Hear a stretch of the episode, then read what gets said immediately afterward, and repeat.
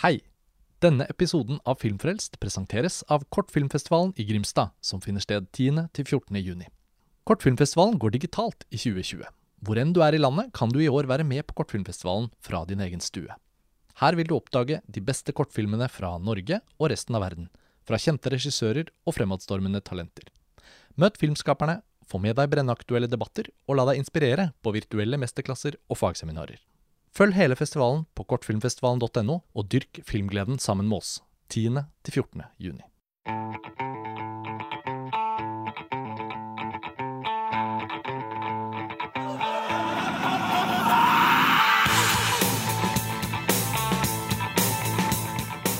Hei, og velkommen til en ny episode av Filmfrelst, podkasten fra filmtidsskriftet montasj.no. Mitt navn er Karsten Meinick, og vi er fortsatt på den alternative Cannes-festivalen. Og i dagens episode så sitter jeg her sammen med Lars Ole Kristiansen. Hallo. Og Pernille Middleton. Hei, Pernille. Hei. Du har jo ikke foreløpig vært med i episodene våre fra den alternative Cannes-festivalen, så da må vi jo nesten starte med deg, da, Pernille. Årets Cannes-festival er jo selvfølgelig da kansellert, men du hadde jo varslet oss at før koronakrisen eh, så varslet du at vi ikke kom til å ha med deg til Cannes i år, for du hadde andre planer. Og så har jo alt blitt kansellert. Både andre planer og Cannes-planer. Så hva, hvordan har du hatt det nå den siste uka? Eh, nei, jeg har jo hatt det litt hektisk, da. Det var jo litt av grunnen til at ikke skulle dra. Jeg var jo selvfølgelig veldig trist pga. det. Jeg har jo alltid kjempelyst til å dra til Cannes. Så da er det jo enda bedre at dere har kokt sammen det her, sånn at vi får et alternativ. Eh, og det er jo et eh, ganske omfattende og spennende program som eh, jeg skulle ønske at jeg hadde hatt mer tid til å delta på. Men jeg skal prøve å komme sterkere tilbake i siste halvdel og se litt mer. Ja, for nå har du jo varslet at det er en del ting du har sett, og vi fant jo denne datoen som passet, og sirklet inn noen felles filmer da. Lars Ole, um, nå har jo vi vært med på mange episoder, kan man si, og, og fått snakket om ganske mye forskjellig, men jeg tenkte på en ting i dag at eh, det føles fortsatt som jeg har sett veldig lite film fra programmet, egentlig. Eh, hva tenker du? Hvordan føler du det sånn midtveis? Jo, altså jeg tenker jo litt det samme som deg, at uh, jeg føler at vi har sett det vi har uh, Altså, jeg har ikke hatt muligheten til å se så mange flere filmer, men totalt sett så er det jo likevel nok litt mindre enn jeg vanligvis da ville sett på samme antall dager i Cannes. Så jeg er også klar for å skru opp eh, visningsintensiteten eh, i dagene framover. Eh, når vi da har komponert dette programmet her, så er jo alle titlene eh, interessante. Altså, det er jo ikke en eneste film her vi ikke har genuint lyst til å se. Og sånn er det jo normalt ikke i, i Cannes. Eh, og når det da er 100 titler, så blir det jo på en måte Det kommer jo til å bli vanskelig å få sett mer enn 30, tror jeg. Men eh, 30 skal jeg i hvert fall få sett, og er i og for seg på god vei, da. Jeg har vel sett 15 til nå. Ja, og det blir sikkert noen reprisevisninger da på slutten. Jeg kan jo Ja. kime inn at uh, som, jeg, jeg, som jeg må ha referert til da på episoder tidligere, så er det jo en del barnebursdager under Cannes-festivalen i min familie. Så det er jo klart at 17. mai ble jo da som vanlig et sånt avbrekk fra festivallivet. Eh, Men litt mindre strabasiøst, da, for jeg slapp å fly hjem fra Cannes og være i barnebursdag og feire 17. mai og dra tilbake til Cannes. Så sånn sett så har det vært en mindre hektisk festivalavvikling. Men eh, jeg har gledet meg ganske mye til akkurat denne episoden også, fordi vi har, vi har kanskje en litt mer sånn avslappet stemning nå som vi er litt sånn i gang med dette prosjektet. I dag skal vi bl.a. snakke om Billy Wilders uh, siste store film, 'Fedora', fra 1978. Og det er jo en sånn tittel som, eh, når man da har sett den, så utfyller jo det bildet av en så stor filmskaper som Billy Wilder. Jeg tenkte litt på det samme med noe så teit som da Strictly Ballroom til Baz Luhrmann. Vi endelig hadde sett da. Jeg kjenner nå som dagene går, så synker det jo faktisk inn at, eh, at disse hullene blir jo tettet, da. Ja, de gjør det.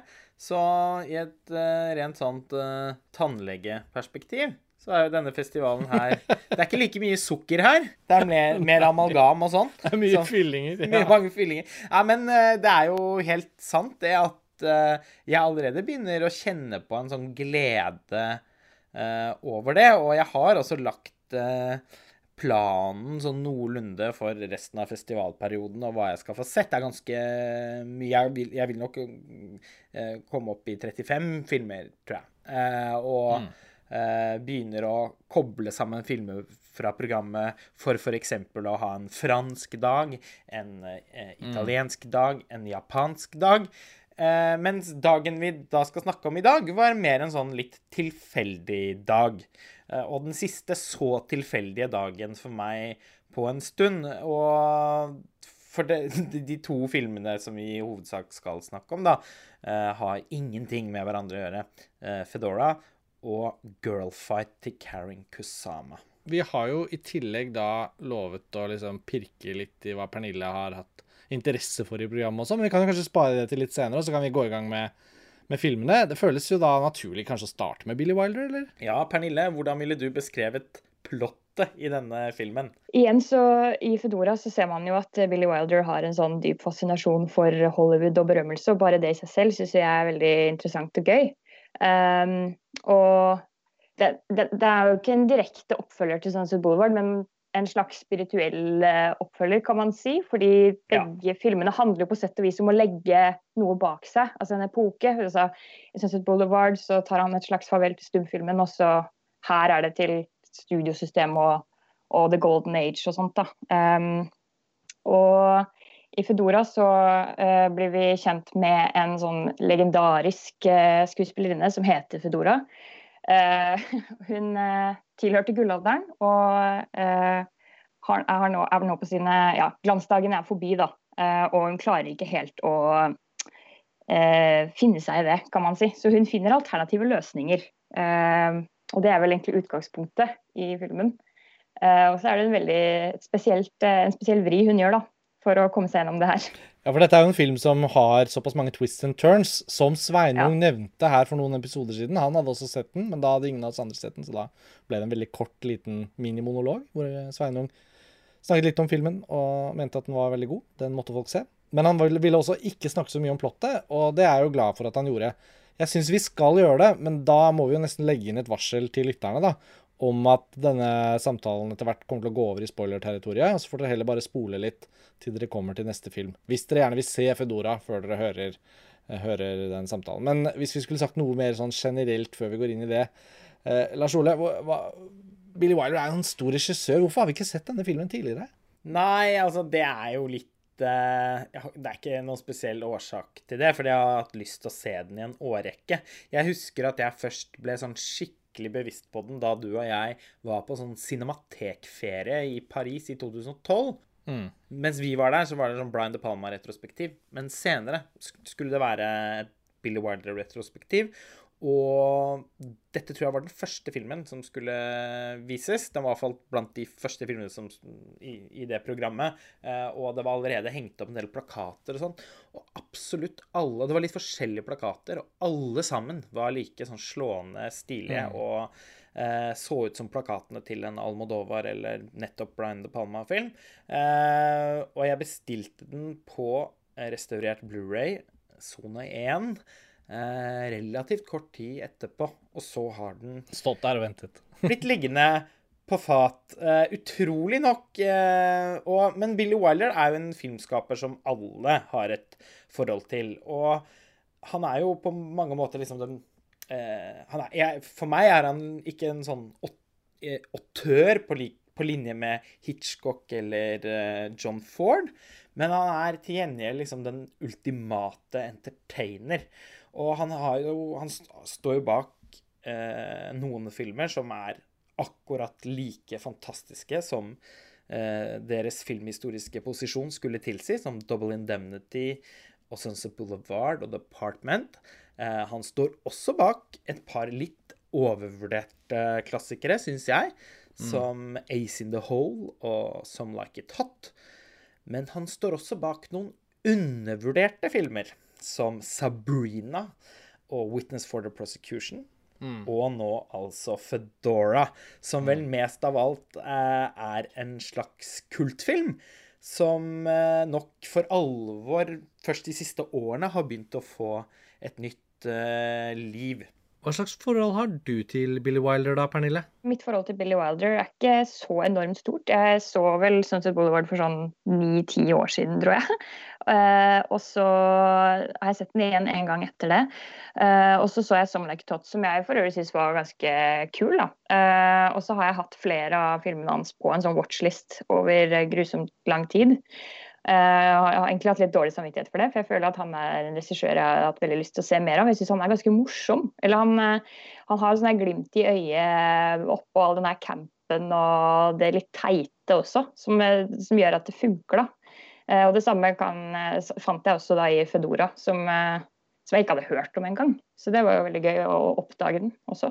De beste Bill Wilder-filmene har jo nesten alltid et fantastisk boblende eh, manus forfattet mm. av han selv. Og han jobbet jo i mange år som manusforfatter før han ble, ble regissør. Jeg så faktisk uh, 'Witness for the Prosecution' i påsken, av alle ting. Uh, jeg uh, hadde vel litt sånn behov for å styre gjennom at et sånt filmøyeblikk i påsken hvor man egentlig er på ferie og er sammen med familiemedlemmer og sånn, skulle bli litt en god film istedenfor en sånn ja, påskekrim i fire episoder.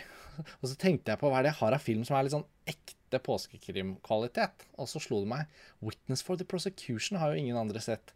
Um, den har jeg lyst til å se igjen, uh, og jeg hadde anskaffet den på Blu-ray siden da. Og filmen er jo like fantastisk god som jeg husket. Men jeg så også et sånn kort intervju med Billy Wilder på Blu-ray, som var sakset ut fra en sånn lengre dokumentar på en måte hvor Billy Wilder bare snakker seg gjennom hele filmografien sin. Jeg tror det er Folke Sløndorf faktisk som har regissert den dokumentaren.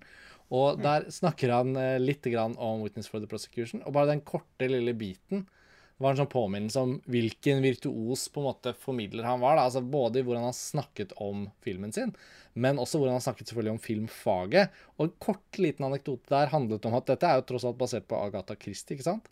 Men som han sa bare sånn Ja, men eh, jo, jo, det er jo utrolig bra innhold der, men det er jo ikke film i forhold til da dialog, rytme, karakterer, schwung, da. Så han hadde jo øh, bidratt med rewrites. Og han har en helt sånn egen ting han bidrar med som forfatter, som jeg føler uh, Uten å være noen Billy Wilder-ekspert, så har jeg alltid følt det som en sånn vel så viktig bestanddel som at han er en ekstremt visuell filmskaper. ikke sant? Og det er, det er, det jo mange eksempler på at han ikke kanskje er i så stor grad som Hitchcock, eksempel, som du nevner, Lars Ole. Så, mm. Men han er jo så lett å respektere og elske fordi det er noe sånn herlig boblende i de beste filmene hans, og han har jo ganske mange av dem. Så mm, jeg må jo også si meg veldig bare enig i at det var veldig gøy å se Foodora, og den fylte ut et det var jo litt sånn bookending-effekt, da, ettersom den er en sånn speilfilm til uh, Sunset Boulevard. Så vi får nesten gå inn i materien, da. Uh, vi har jo sagt bare bitte lite grann om plottet, men uh, fra nå av kan vi jo si at det er spoiler-territoriet, da. Og så tenker jeg at det er en gammel film, og det er ikke noe farlig. Det blir ikke noe dårligere film av å vite, vite om plottet, men for de som har lyst til å se det helt uten å vite noe, så kan de jo spole litt nå. OK, hvor begynner vi? Eh, jeg holdt på å si, Det er jo ikke en film, en film inni filmen, men den er veldig nært på å være det. Og, og dette, dette, maskespillet er jo Det påminner jo om så mange filmer man er glad i, og, og hvordan han bretter de ut, de forskjellige små overraskelsene, um, hadde jeg veldig veldig sansen for. Jeg ble oppriktig overrasket uh, av noen ting, og så hadde jeg kanskje en følelse av at hun grevinnen ikke helt var den vi trodde hun var. Og det må ha med å gjøre at jeg akkurat hadde sett 'Witness for the Prosecution', hvor det er en sånn rollefigur som viser seg å være noen andre. Da jeg satte den på, så var jeg litt sånn skeptisk i starten. Fordi vi møter først uh, altså Den ene ho hovedkarakteren, kan man si, spilt av William Holden. Uh, han heter Barry, eller han blir kalt for Dutch, og han er en sånn gammel sånn Hollywood-produsentlegende. Eh, um, han skal da få tak i denne um, pensjonerte Fedora og avlevere et manus til henne, fordi han mener at dette er hennes sånn eh, siste virkelig gode rolle. da. Uh, Som Anna Karenina. Ja, ikke sant. Um, og så er vi litt med han i starten, og jeg syns han var en sånn veldig litt sånn obnoxious eh, type, kan man si. Jeg bare tenkte, jeg håper ikke det skal handle for mye om han. Han er sånn typisk sånn karakter som slenger seg ned på en kafé og sier sånn 'waiter' med en gang. Og jeg bare tenkte sånn åh, du er litt sånn uspiselig fyr, så jeg håper ikke du skal være helten her. Uh, men så skjønner man etter hvert når han kommer til uh, Korfu, da, denne øya hvor hun har uh, pensjonert seg sammen med med eh, grevinnen og noen livvakter og noen sånne obskure personer. Eh, han begynner å, å eh, spionere litt på de, for hun, hun, er ikke så lett å få tak i. Hun har trukket seg helt tilbake fra alt av spotlight og eh, er egentlig helt utilgjengelig for uh, offentligheten. Um, men jo mer han begynner å, å spionere på de og, og, finne ut av hva det er som foregår her, jo, jo mer interessert ble jeg underveis. da. Og spesielt når vi da får eh, det første synet av grevinnen, altså dette fugleskremselet av en dame i en rullestol foran en sånn varmelampe. Spilt av uh, ingen ringere enn Hildegard Kneff, som jeg aldri heller har hørt om. Men da, bare, da begynte det å balle på seg. Da ble det bare gøy. Da var det bare å bli med på hele riden, uansett hvor det gikk. Ja, Det er fantastisk den scenen der hvor hun, eh, går, hvor hun sitter med den stokken sin og smeller på den varmelampa som Fedora har eh, slått av fordi hun vil høre på en plate isteden. Og når hun så senere smeller på LP-ene til det spruter vinyl rundt på terrassen, da, da, da, da tenkte jeg jo Oi, enten så er dette en film som kommer til å ha ekstreme mengder overspill, og jeg kommer til å falle av om noen minutter. Eller så viser det seg at det er en grunn bak dette. Og det viste seg jo selvfølgelig å være en grunn, da. Det er det absolutt. Og dette er jo da en film Altså, jeg må bare innrømme at jeg eh, Jeg tenkte at eh, hun eh, Altså, grevinnen i rullestol der var Fedora etter ti minutter. Det var Ja, det tenkte altså, jeg. Bare når, når plastisk kirurgi ble dratt inn som et motiv, så var det på en måte veldig forutsigbart. Og det gjorde selvfølgelig ingenting, fordi filmen eh, den beveger seg da sakte, på en måte, men skråsikkert inn i et camp-modus. Og mm. begynner egentlig mer eller mindre på nytt igjen, sånn cirka halvveis, i likhet med mange Pedro Almodovar-filmer. Og det var veldig vanskelig å ikke tenke på Pedro Almodovar eh, da jeg så Fedora. Og Eh, Brian De Palma, naturligvis. Ja, jeg tenkte både på Pedro og Brian De Palma. Eh, og Under huden blir jo nesten en litt for åpenbar sammenligning. Men, men til og med sånn eh, Til og med godeste Christian Petzold's Phoenix og sånn, da. Det var mange filmer jeg kom på at Oi, her, det er flere som har sett Fedora, ja. Mm, ja, nettopp. Okay. ja. Og så er det noe med at dramaturgien her er jo Det er derfor vi var nødt til å gli litt over i sånn spoiler-territorium nå. Eh, selv om vi ikke stort sett har unngått det eh, så langt i festivalpodkastene. Eh, og det er jo nettopp fordi at det er vanskelig å ikke snakke litt om hvordan historien er strukturert, fordi mange av kvalitetene til filmen ligger der. fordi det er jo faktisk sånn at William Holden sin hovedperson blir jo klar over hva som har skjedd, lenge før vi tror det. Altså Eh, og, og, og, i den andre halvdelen av filmen så blir jo ikke da flashbackene Fordi filmen begynner jo da med at Fedora har tatt livet sitt, og at han er i begravelsen hennes, og mimrer tilbake eh, til at han har dratt til Korfu to uker i forveien. Mm.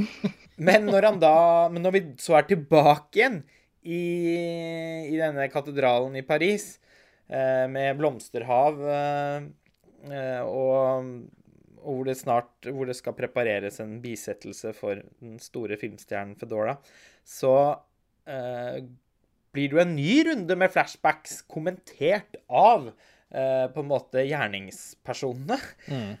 Som da går lengre tilbake i tid. Og vi får hele historien om hvordan datteren datteren til Fedora, som hun i mange mange år ikke kunne ha et forhold til fordi hun var født utenfor ekteskap. ja, det var fantastisk. Altså, hun bare så en uke i året på noen sånn på hoteller.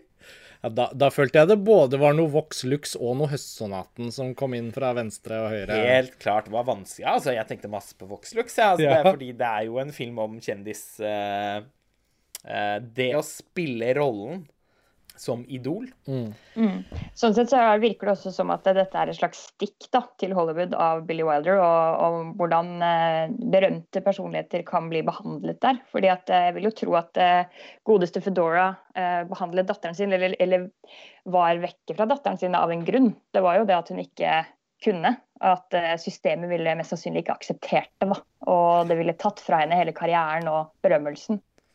Det virket jo ikke som hun hadde spesielt lyst heller, da. Jeg overdrev jo veldig, merker jeg, når jeg sa at de møttes bare én uke i året. De møttes en time i året på et gitt hotellrom eh, hvor da eh, datteren ble sånn mekanisk overøst med gave. Look here, I have all these presents for you. Open them! Mom, I don't want presents. I want you! Eh, Og så må og- datteren heller gå og spise middag med den forferdelige Miss Balfour. Som er en sånn assistent som bare skygger rundt overalt.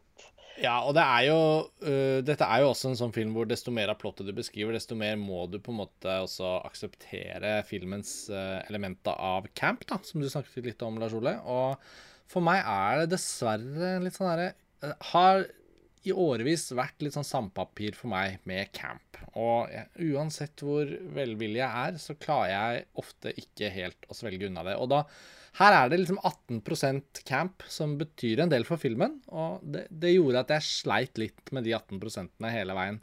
Og jeg må innrømme at jeg faktisk syns det er morsommere å snakke om filmen nå enn jeg på en måte syns det var å se den som filmopplevelse.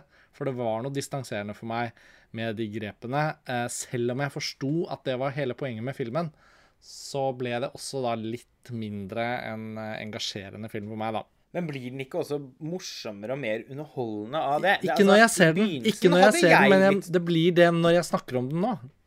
Den forskjellen. for Jeg tenker at I begynnelsen så hadde jeg litt sånn Litt bange anelser. Egentlig mest fordi at jeg tenkte at fordi at det var forutsigbart, så tenkte jeg at det kunne bli litt traurig, og litt brunt, til og med. Eh, men det er også sånn etter hvert at filmen blir mer og mer eh, bløtkakeaktig også. Eh, i hva gjelder produksjonsdesign og sånn. Det liksom eser forsiktig. Så når vi er inne i andre halvdel her, så er det i mye større grad en drømmeverden.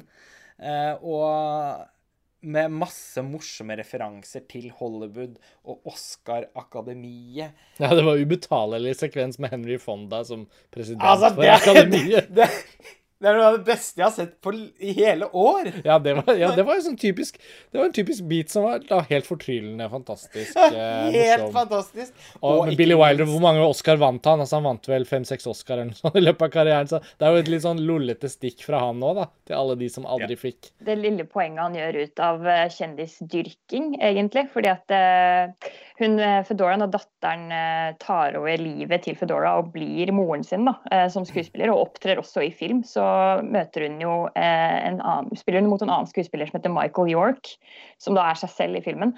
Uh, og det er jo en scene der hvor, uh, hvor uh, William Holmes karakter inspiserer rommet hennes og drar vekk tapetet og finner bare massevis av bilder av Michael York klistret opp på veggen. Akkurat som en hvilken som helst ung jente ville gjort til Ja. Hollywood. Ja, det var også en fantastisk sekvens. I og med at vi allerede har avslørt såpass mye av fortellingen, så må vi jo nesten også da eh, si hva som er årsaken da, til eh, denne dekkoperasjonen. Og det er jo da at eh, den faktiske Fedora eh, i sin iver etter evig ungdom og stadig flere og mer kompliserte plastiske operasjoner blir utsatt for eh, en slags feiloperasjon. Hun, blir, hun får noe infeksjon i hvert fall som gjør at halvparten av ansiktet hennes blir deformert, og da kan hun aldri vise seg igjen. Men oppdager da at datteren, som hun hadde forlatt og ikke sett på 20 år eller noe sånt nå, hun Slående lik moren sin. Ser jo med noen grep nesten ut som henne da hun var ung. Så må hun gå gjennom litt plastiske operasjoner også, og få noen tenner som gjør at hun ikke ser for ung ut. Hun må gå med hansker for ikke å avsløre at hendene hennes er for unge, fordi hender, det sliter til og med plastiske kirurger med å forfalske. Altså, jeg, noe av det kuleste med denne filmen, syns jeg, var at den jo fremsto sånn profetisk i måten sin å skildre et Hollywood som i dag er enda mer besatt av gjenfødelse, av remakes, av hologrammer. Plastiske operasjoner utføres jo både på skuespillere og på en måte på aldrende filmer som skal remakes. Ja, altså dette er jo også litt filmen om The Irishman, på en måte. Altså Ja, digitale foryngelsen av Pacino og Ja. De Niro. visst. De kan ikke være unge evig, ikke sant? Nei. Og det, det var jo det som slo så hardt innover oss da vi så The Irishman, Ja. at uh, Nei, det, det gikk ikke. Nei, det gikk ikke. Og jeg ser for meg en Fedora-remake med Melanie Griffith og Dakota Johnson i rollen som mor og datter. Fantastisk idé. Regis regissert av Brian De Palma. Vi må nesten bare ringe over og sende dem den ideen med en gang. Ja, men altså, jeg, altså det, det, Men ser du, det hjelper, ikke sant? Å snakke om Foodora Å snakke om Foodora, det, det hjelper. Nå, nå øker prosentene litt igjen for meg. ja, Den blir ikke dårligere av å tenke på å snakke om. Ja, absolutt. Jeg er veldig Jeg enig var- med, jeg skal Ja. bare si at jeg er veldig Ja. enig med, med deg, Lars Ole. At jeg syns den er rett og slett blodunderholdende. Altså. Uh, og, og mye av det er på grunn av eh, egentlig dr. Wando, som vi ikke har nevnt ennå. Det er jo denne plastiske kirurgen som har, ja, som har utført alle disse operasjonene. Både den mislykkede deformasjonen på Foodora og på transformasjonen til datteren. Og av en eller annen grunn, selv om alt han, eh, det han har gjort mot dem, så er han fortsatt med dem dag og natt. Han er fortsatt der og, og vedlikeholder og bistår begge to. Helt absurd og aldri forklart. Nei, kjemperart. Du får også veldig liten innsikt i faren til datteren til Fedora, som er veldig til stede i begravelsen, og da er han veldig med. Og, og vet veldig godt at det er datteren hans som egentlig ligger der i kisten, men er med eh, på å spille spillet. Men for hvem? Ja, for hvem? Og de har vært helt grusomme mot datteren hans, og det vet han, uten at han eh, ser ut til å Ja, han gir uttrykk for at han er opprørt, og at han syns de har vært slemme, men han, han, han går ikke til politiet, på en måte, eller Altså, apropos dette med at filmen liksom foregår i en tulleverden. Det blir veldig en film om film, om iscenesettelse. Eh, jeg må bare si at jeg syns den var helt fantastisk, og min soleklare favoritt så langt i Cannes 2020. Eh, den første absolutte toppnoteringen eh, for meg. Og jeg syns det er en skandale at den ikke er med i konkurransen. Ja, hva er det komiteen har tenkt? Og jeg kan ikke forstå hva programkomiteen har tenkt. Fedora ble da vist eh, out of competition eh, ved siden av The Last Waltz av Martin Scorsese. Det var de to filmene som var utenfor konkurranse det året. Og 1978, det er jo da Treskotreet av Ermano Olmi vant Gullpalmen, som vi også har på programmet. Sånn bare for å tegne opp et lite Historisk riss. ja, et historisk riss, nettopp. Men eh, nei, ja. Altså, vi trenger jo ikke på en måte snakke den i hjel heller, så, så jeg føler vi har fått tatt en fin eh, runde på Fedora. Men hvis man skal oppsummere, så kjenner jeg at uh, vi må bare gjenta det. Det merkes at filmen er gjev å snakke om, og vi kan koble den til ganske mye forskjellige typer film som har blitt laget både før og etter. på en måte. Den skriver seg veldig inn i en sånn historie av filmer som tar for seg eh, maskespillet i filmen som kunstart også. Enten om det gjelder skuespillere eller filmmediets egenskaper osv. Så, videre. så den, den kan tas i bruk, og jeg er sikker på at vi kommer til å uh, slippe Fedora mer inn i samtale i årene som kommer, nettopp fordi vi nå har sett den. Ja, så er den jo litt en sånn old man's movie òg, som kan resultere i noen helt sånn jeg, Det er en spesifikk type film, føler jeg at man er nødt til å ha levd litt i filmen for å kunne lage. Og det er en film som f.eks. Femme Fatale av Brian De Palma. Eh, Brutte omfavnelser til Pedro Almodovar. Eh, Marnie. Og det er da også filmer som, når de får mm, liksom mørnet seg litt, fremstår som sånne litt sånn oppsummeringsverker. Man, man kan merke at filmskaperne liksom reintroduserer, snur opp ned på, og noen motiver som de tidligere har, har utforsket i filmene sine. Eh, lager litt sånn Frankensteins monsteraktige utgaver av sine egne filmografier. Og det syns ofte jeg er veldig, veldig gøy. Og dette opplevdes umiddelbart som en sånn film. Enig. Skal vi bevege oss over til noe helt annet, da? I eh, 2000 så ble den lille amerikanske independent-filmen Girlfight vist først i Sundance, og så i Cannes. Og det markerte jo da den første filmen til skuespilleren Michelle Rodriguez, som vi jo nå kjenner som eh, blockbuster actionstjerne, først og fremst. Og det ble jo gjennombruddet for Karin Kusama, regissøren. Og dette er en film jeg så på video den gang, og siden ikke egentlig har sett igjen. Men jeg husker den som en film jeg likte veldig godt. Og den ble jo en av de første litt sånn kvinnelige bokserfilmene på 2000-tallet, som ledet opp noen år senere til Million Dollar Baby, som strengt tatt er en mer berømt og mer sett film. Mens Michelle Rodriguez har jo blitt en mer populær skuespiller enn Hilary Swank, for å si det på den måten. Eh, og så skulle vi sette sammen programmet, og da har jo Girlfight knapt vært i samtale, så da måtte jeg si til deg, Lars Ole, at nei, men Girlfight, den har jeg sett, så den kan vi ikke da Etter reglene vi satte ned, så kunne vi ikke ha den i en av de seksjonene med filmer vi ikke hadde sett før. Så derfor er den i Can Classics.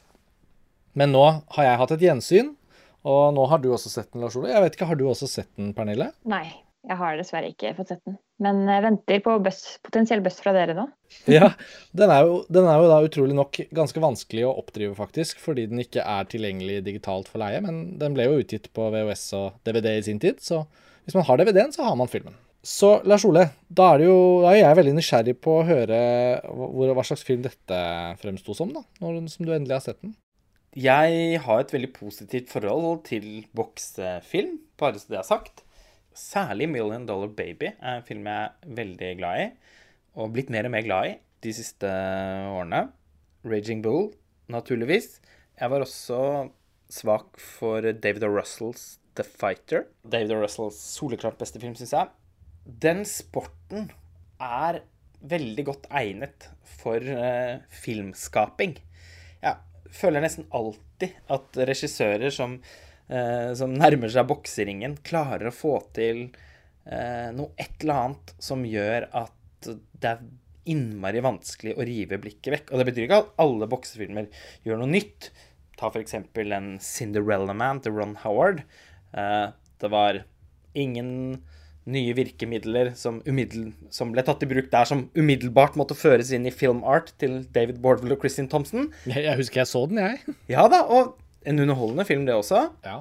Men til og med der er det sånn under de boksekampene at jeg sitter og blir veldig fengslet. Kanskje handler dette egentlig om at jeg, hvis jeg hadde gått på boksekamper i det virkelige livet, hadde likt det skikkelig godt. Det kan godt hende at det er liksom sporten At det er god underholdningssport for meg. Men jeg blir altså ikke mett på å se folk denge løs på hverandre eh, i den ringen. Og på film så kan man jo få det i nærbilder og med slow motion og med uttrykksfulle lydeffekter osv.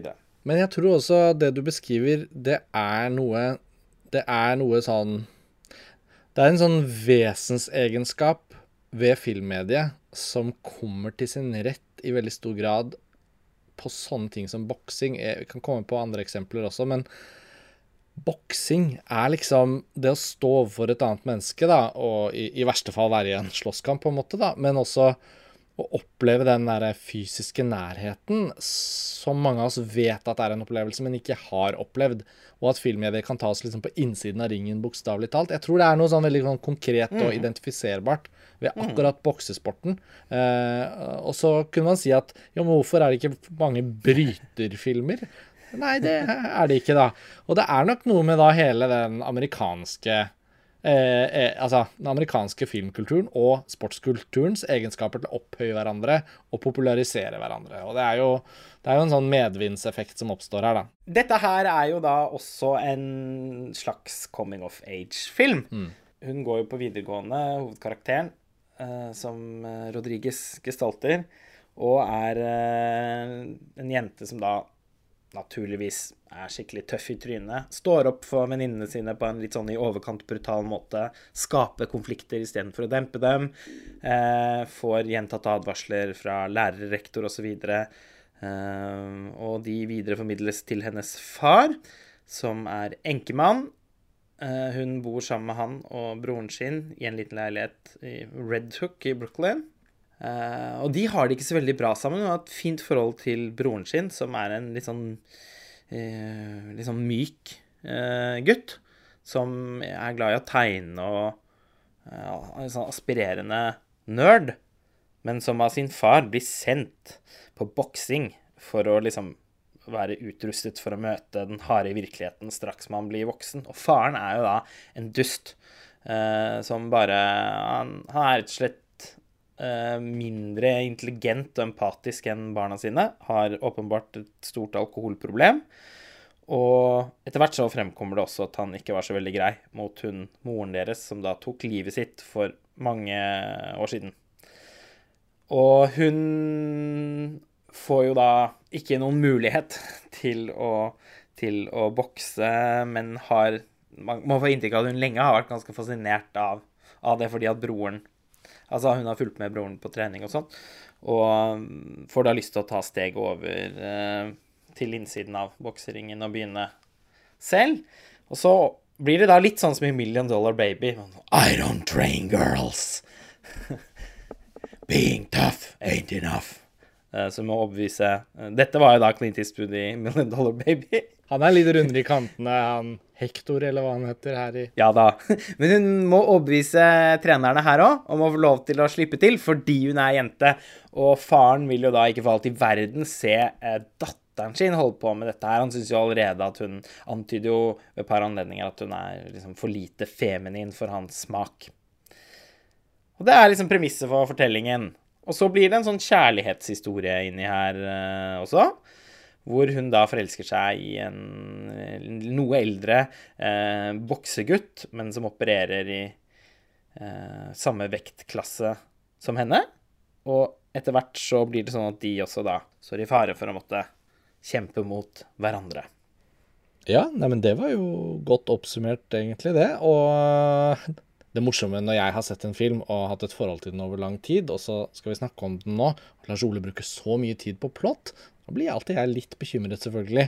Eh, selv om jeg innerst inne alltid har følt at dette er en ganske liten film som jeg ikke helt har visst eh, hvor god er, fordi jeg ikke har sett den på så mange år. Så var jo mitt gjensyn med den for noen dager siden var faktisk veldig bra, fordi jeg følte filmen holdt, eh, holdt meg mye mer sånn emosjonelt engasjert enn jeg kunne huske at jeg var den gang. Jeg tror den gang så, så jeg vel filmen egentlig bare fordi det var en litt kul film. Og, og så rett etterpå kom jo Fast and the Furious, og da fikk jeg et forhold til Michelle Rodriguez som actionskuespiller. Men eh, jeg har eh, virkelig følt de siste dagene at eh, det beste med filmen, for meg, har vel egentlig faktisk vært at den, har, at den tar seg tid til å lage et ordentlig karakterportrett. Og som du nevnte, Lars Ola, altså coming of age-elementet husket jeg nesten ikke på samme måten som jeg husket det som en boksefilm da, med Michelle Rodriguez. Så, så jeg hadde veldig sansen for det gjensynet, og på en måte gjenoppdage filmen mer som et karakterdrama. Um, men jeg syns også boksesekvensene var, eh, var veldig spennende. Og, og musikken til han Theodore Shapiro, som jeg ikke hadde noe minne om, syns jeg var veldig bra. Så jeg hadde et veldig bra gjensyn med den. Men, men ja, nå har du snakket mest om plott, så da har du kanskje ikke så mye annet å si om filmen, da?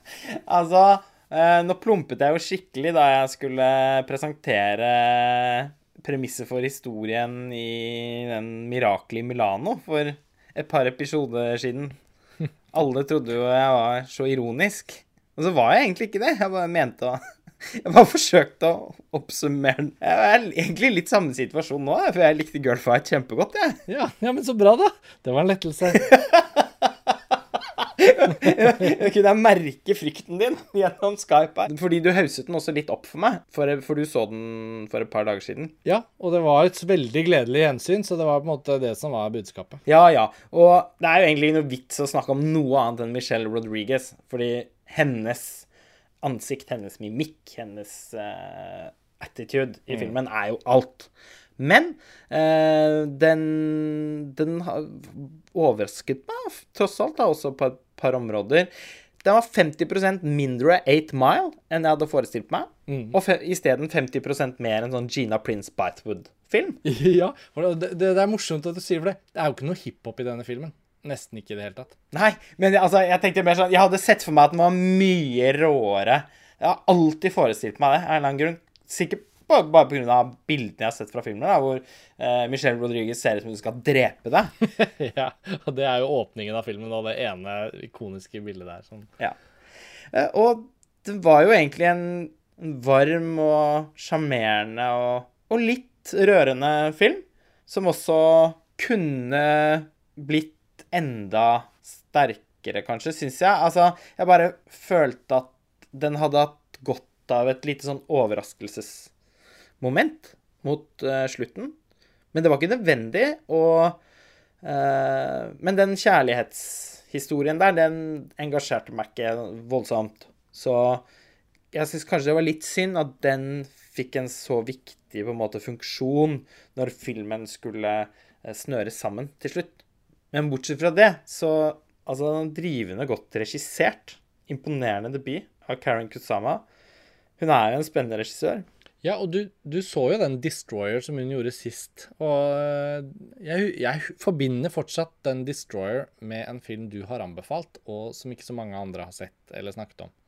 Nei, den uh, fortjener å bli sett av flere. Altså, jeg så den jo på i Los Angeles uh, da vi var der i forfjor, men noen dager etter at du hadde dratt hjem, så hadde den eh, visning på Cinemateket, hvor Karen Kusama kom og hadde en lang Q&A og sånn etterpå. Det var veldig gøy. Og filmen var kjempebra, egentlig. Den hadde noen svakheter, men den hadde også noen sjeldne kvaliteter, blant annet et helt fantastisk eh, soundtrack, da. Og, og jeg likte også godt den filmen hun gjorde før, før den, den The Invitation, som eh, ligger på Ja, Netflix. det, ja, nettopp. Den har jeg ment å skulle se. Den husker jeg jo traileren til, og det var Karen Kusama, selvfølgelig. ja. Så jeg, jeg, det, det paradokset mitt er at jeg har jo faktisk ikke sett uh, noen av de andre filmene hennes. Jeg har alltid vært klar over Kurin Kusama fra Girlfight av, og så på en måte egentlig bare eh, ikke endt opp med å se noen av filmene. Den har vært en veldig sånn rar karriere hun har hatt, men Destroyer kjøpte jeg på Blu-ray etter at du hadde anbefalt den, Lars Ole, så den står og venter. Både The Invitation og Jennifer's Body faktisk er på norske Netflix nå, så da er det jo egentlig bare Aeon Flux uh, man ikke har sånn direkte tilgang på når, hvis ikke man eier den, da. Uh, så kan det jo hende at den også kan strømmes. Og... Nei, Karen Kusama hun, hun kommer litt sånn opp igjen over overflaten, i hvert fall, nå med Girlfight. Som har blitt vist på den alternative Cannes-festivalen. Og, og det er veldig synd at ikke den filmen er tilgjengelig digitalt. da. Jeg tror at med tanke på at hvor stort publikum Michelle Rodriguez har hatt de siste årene i Fast and the Furious og andre filmer, eh, Avatar Hun er jo en ekstremt eh, eh, kjent skuespiller. Så skulle man jo tro at det å, å kjøre girlfight f.eks. ut på, en, eh, på Netflix, eller at ikke den er tilgjengelig for leie og sånn, er jo veldig synd. Pernille, vi tenkte at vi skulle runde av podkasten da med å høre litt hvilke filmer som, fra programmet som du ser mest fram til og omsider får sett, når du nå får litt bedre tid eh, de neste dagene. Mm, det er jo så vanvittig omfattende, som jeg sa, så jeg må nesten bare gå etter Jeg tenker, jeg, jeg har litt lyst til å gå etter regissører, eh, rett og slett. eh, Og fylle inn noe hull der på autører som jeg liker, da. Um, for eksempel så har jeg ikke sett den uh, De la Guerre, eller On War av Bertrand Bonello, så den er jeg nys veldig nysgjerrig på.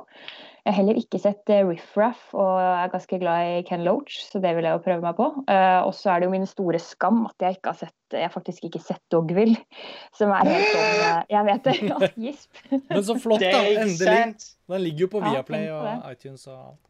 Jeg vet det. Den er uh, stjernemarkert på Viaplay-kontoen min. Um, så jeg venter egentlig bare på at jeg skal Nå har jeg akkurat sett alt av Rige, så det blir en sånn liten von Trier eh, et, et slags von Trier-maraton for meg, tror jeg. Og da skal jeg virkelig kjøre på med Dogville, endelig. Uh, og så har jeg heller ikke sett den uh, Concubine, heter Farewell My Concubine. Så den, hvis jeg har nesten tre timer til overs en dag, skal jeg slå til med den. Ellers så, Nei, jeg skannet artikkelen deres, så um, det er bare det stillbildet dere har valgt fra 1001 natt, eh, gjorde at jeg får, fikk veldig lyst til å se det nå.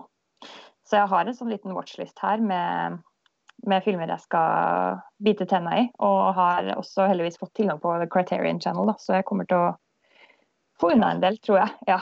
Men det høres ut som en veldig bra meny, da, Pernille. Og, og ved siden av de du da gleder deg til å se, så kan vi jo legge inn en liten tease for morgendagens episode, hvor vi har planlagt å annet snakke om Og tranene flyr, som jeg vet at du har sett. Ja, den så jeg av at jeg så den på programmet deres. Så så jeg den på lørdag, og den var altså Ja, ti av ti. Helt eh, sinnssykt bra. Ja. Skikkelig, skikkelig glad for at jeg ble oppmerksom på den filmen. Det hadde jeg ikke Hadde sikkert tatt et par år til før jeg la merke til den, hvis ikke hadde vært for at jeg så den på lista her. Det var en gave. Den skal vi bruke mye mer tid på i morgendagens episode, så da ble det en sånn fin eh, oppkick til det. Vi er vel kanskje ved veis ende, da. Dette var jo en sånn litt sånn mellomfestivaldag, men ikke noe mindre viktig av den grunn. Det har jo vært veldig gjevt å få snakket om Fedora, og ikke minst Svetten. Eh, og Pernille, da vet vi at du får liksom hjulene litt nå i gang i andre halvdel av festivalen. Takk for at dere hører på disse episodene, folkens. Det kommer mer. Eh, Pernille, Lars Ole, takk for denne gang. Vi høres snart igjen. Ha det bra. Ha det.